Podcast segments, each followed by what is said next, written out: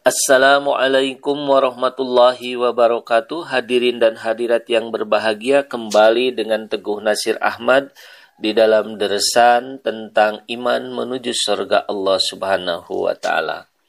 Pada hari ini saya akan melanjutkan rukun iman Yang sekarang adalah iman kepada Rasul-Rasul Allah subhanahu wa ta'ala Allah Subhanahu wa taala berfirman di dalam surat Al-Baqarah ayat 286, A'udzubillahi minasyaitonirrajim. Amana rasulu bima unzila ilaihi min rabbih wal mu'minun. Kullun amana billahi wa malaikatihi wa kutubihi wa rusulih. La nufarriqu baina ahadim min rusulih.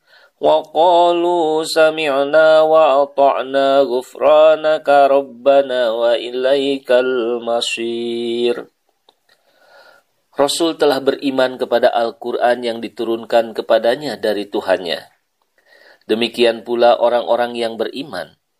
Semuanya beriman kepada Allah, malaikat-malaikatnya, kitab-kitabnya, dan rasul-rasulnya. Mereka mengatakan, kami tidak membeda-bedakan antara seseorang pun dengan yang lain dari rasul-rasulnya. Lalu mereka mengatakan, وَقَالُوا سَمِعْنَا وَأَطَعْنَا غُفْرَانَكَ رَبَّنَا وَإِلَيْكَ الْمَصِيرُ Kami dengar dan kami taat. Lalu mereka berdoa, Ampunilah kami ya Tuhan kami, dan kepada Engkaulah tempat kembali.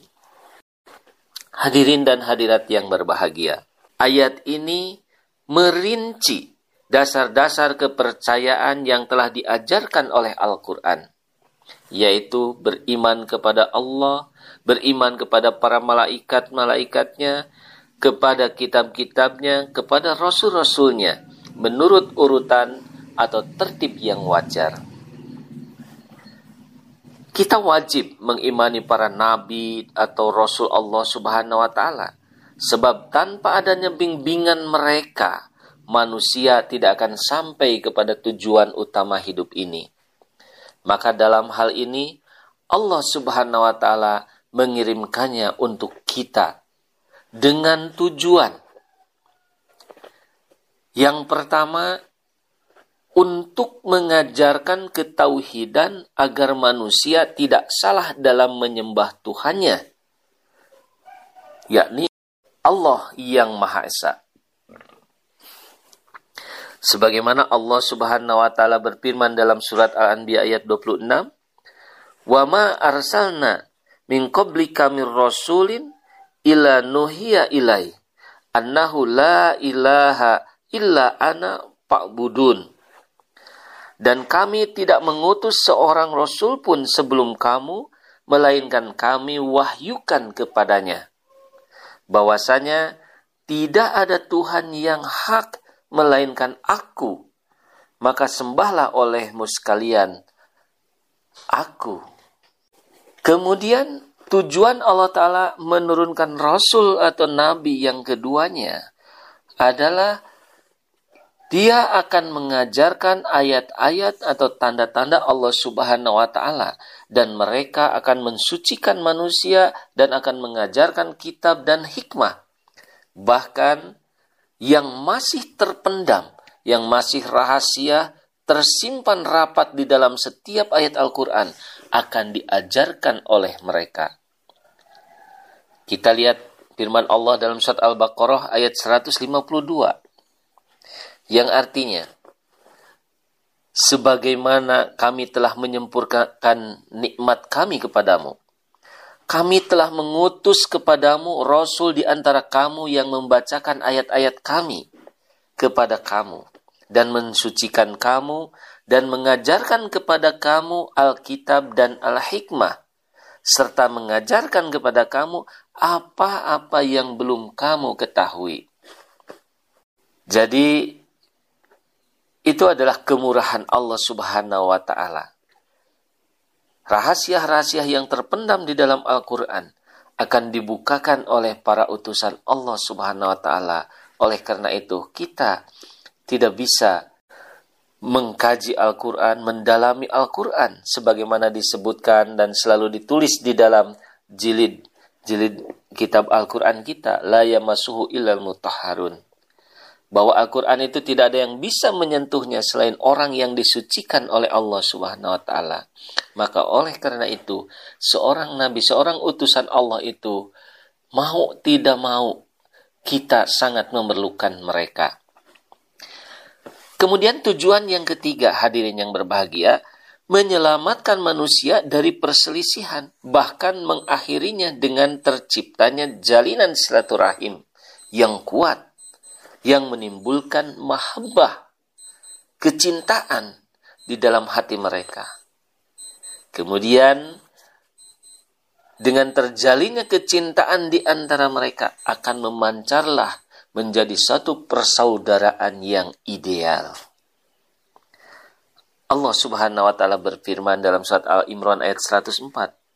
A'udzu billahi minasyaitonir rajim. Wa antasimu bihablillahi jami'a wa la tafarraqu.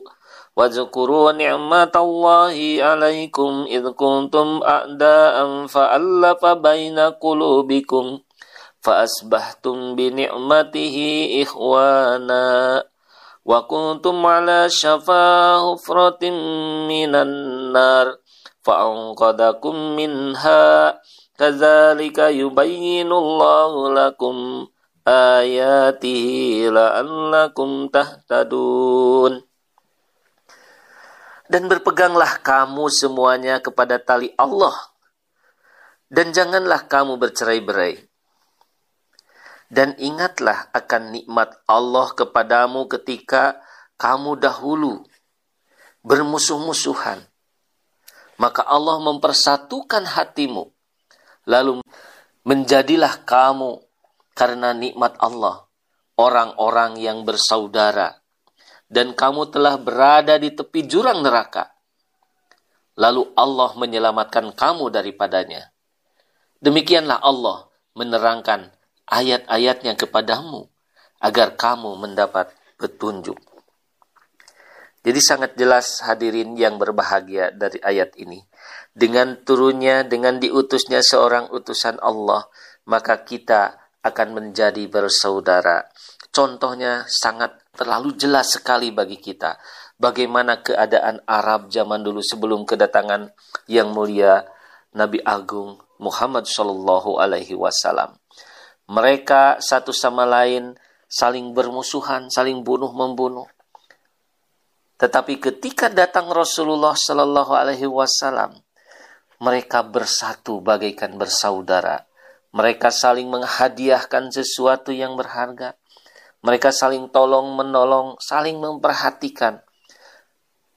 Kadang-kadang mereka tidak memikirkan dirinya sendiri demi menolong saudara-saudara yang lainnya, padahal tidak ada hubungan ikatan darah, ikatan keluarga.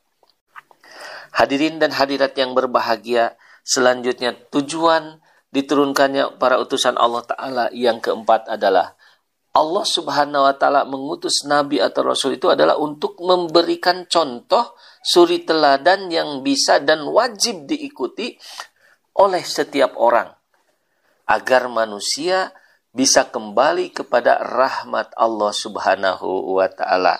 Ingat doa yang selalu diungkapkan kalau ada yang meninggal, innalillahi wa inna ilaihi rojiun. Kita asal dari Allah harus kembali kepada Allah. Nah, yang akan membawa kembali kepada Allah itu adalah para rasul Allah Subhanahu wa taala. Ditegaskan bagaimana Rasulullah SAW diutus kepada kita dalam surat Al-Ahzab ayat 22. A'udzu billahi. Laqad kana lakum fi Rasulillahi uswatun hasanah. Jadi nabi itu adalah uswah hasanah yang ditiru oleh kita, yang diikuti oleh kita. Kita sekarang banyak orang-orang yang pintar, banyak ahli-ahli ceramah, tapi antara yang disampaikan dengan perilakunya banyak yang berbeda. Tetapi kalau seorang utusan Allah Subhanahu wa taala ketika menjelaskan tentang soleh, menjelaskan tentang takwa, menjelaskan tentang kebaikan, dibuktikan di dalam kehidupan sehari-harinya. Terlalu banyak contoh-contoh dalam sejarah, dalam riwayat-riwayat. Tapi saya yakin, bapak-bapak, ibu-ibu semuanya sudah banyak mendengar dan membaca bagaimana riwayat junjungan kita Nabi Agung Muhammad Shallallahu Alaihi Wasallam. Tinggal bagaimana kita sekarang mengaplikasikan apa yang kita dengar, apa yang kita baca tentang kehidupan Rasulullah dan para sahabat yang mulia. Perlu diingat oleh kita bahwa urusan utus mengutus seorang nabi, seorang rasul itu bukan hak manusia. Kita tidak bisa menutup kedatangan seorang rasul. Menolak boleh-boleh saja karena sejarah sudah membuktikan seperti itu. Ketika datang seorang utusan itu pasti ada yang menerima, pasti ada yang menolak. Tapi kita harus bertanggung jawab nanti di hadapan Allah Subhanahu wa taala. Yang hak mengutus atau menutup kedatangan seorang utusan Allah itu itu adalah hak mutlak Allah Subhanahu wa taala. Di mana dia menghendakinya, tidak akan ada yang bisa menghalanginya. Biar semua manusia menghalanginya, kehendak Allah Subhanahu wa taala tidak akan bisa dihalangi, tidak akan bisa dibantah. Itu merupakan sunnatullah akan mengalir. Tentunya Allah Maha tahu kapan di mana harus mengangkat seorang utusan. Hadirin dan hadirat yang berbahagia, sekali lagi kewajiban kita berdoa memohon. Kita tahu Islam ini adalah milik Allah agama yang paling sempurna di dunia ini adalah untuk sekarang dan sampai hari kiamat nanti adalah Islam. Inna dina indallahil Islam. Maka tentu Allah sendirilah yang akan memelihara agama yang kita cintai ini. Maka untuk itu, mari kita bersikap bijak.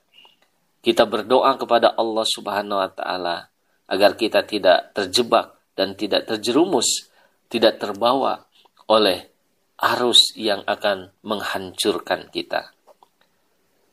Demikian yang dapat saya sampaikan pada hari ini. Mudah-mudahan bermanfaat untuk kita semua. Wabillahi taufiq wal hidayah. Wassalamualaikum warahmatullahi wabarakatuh.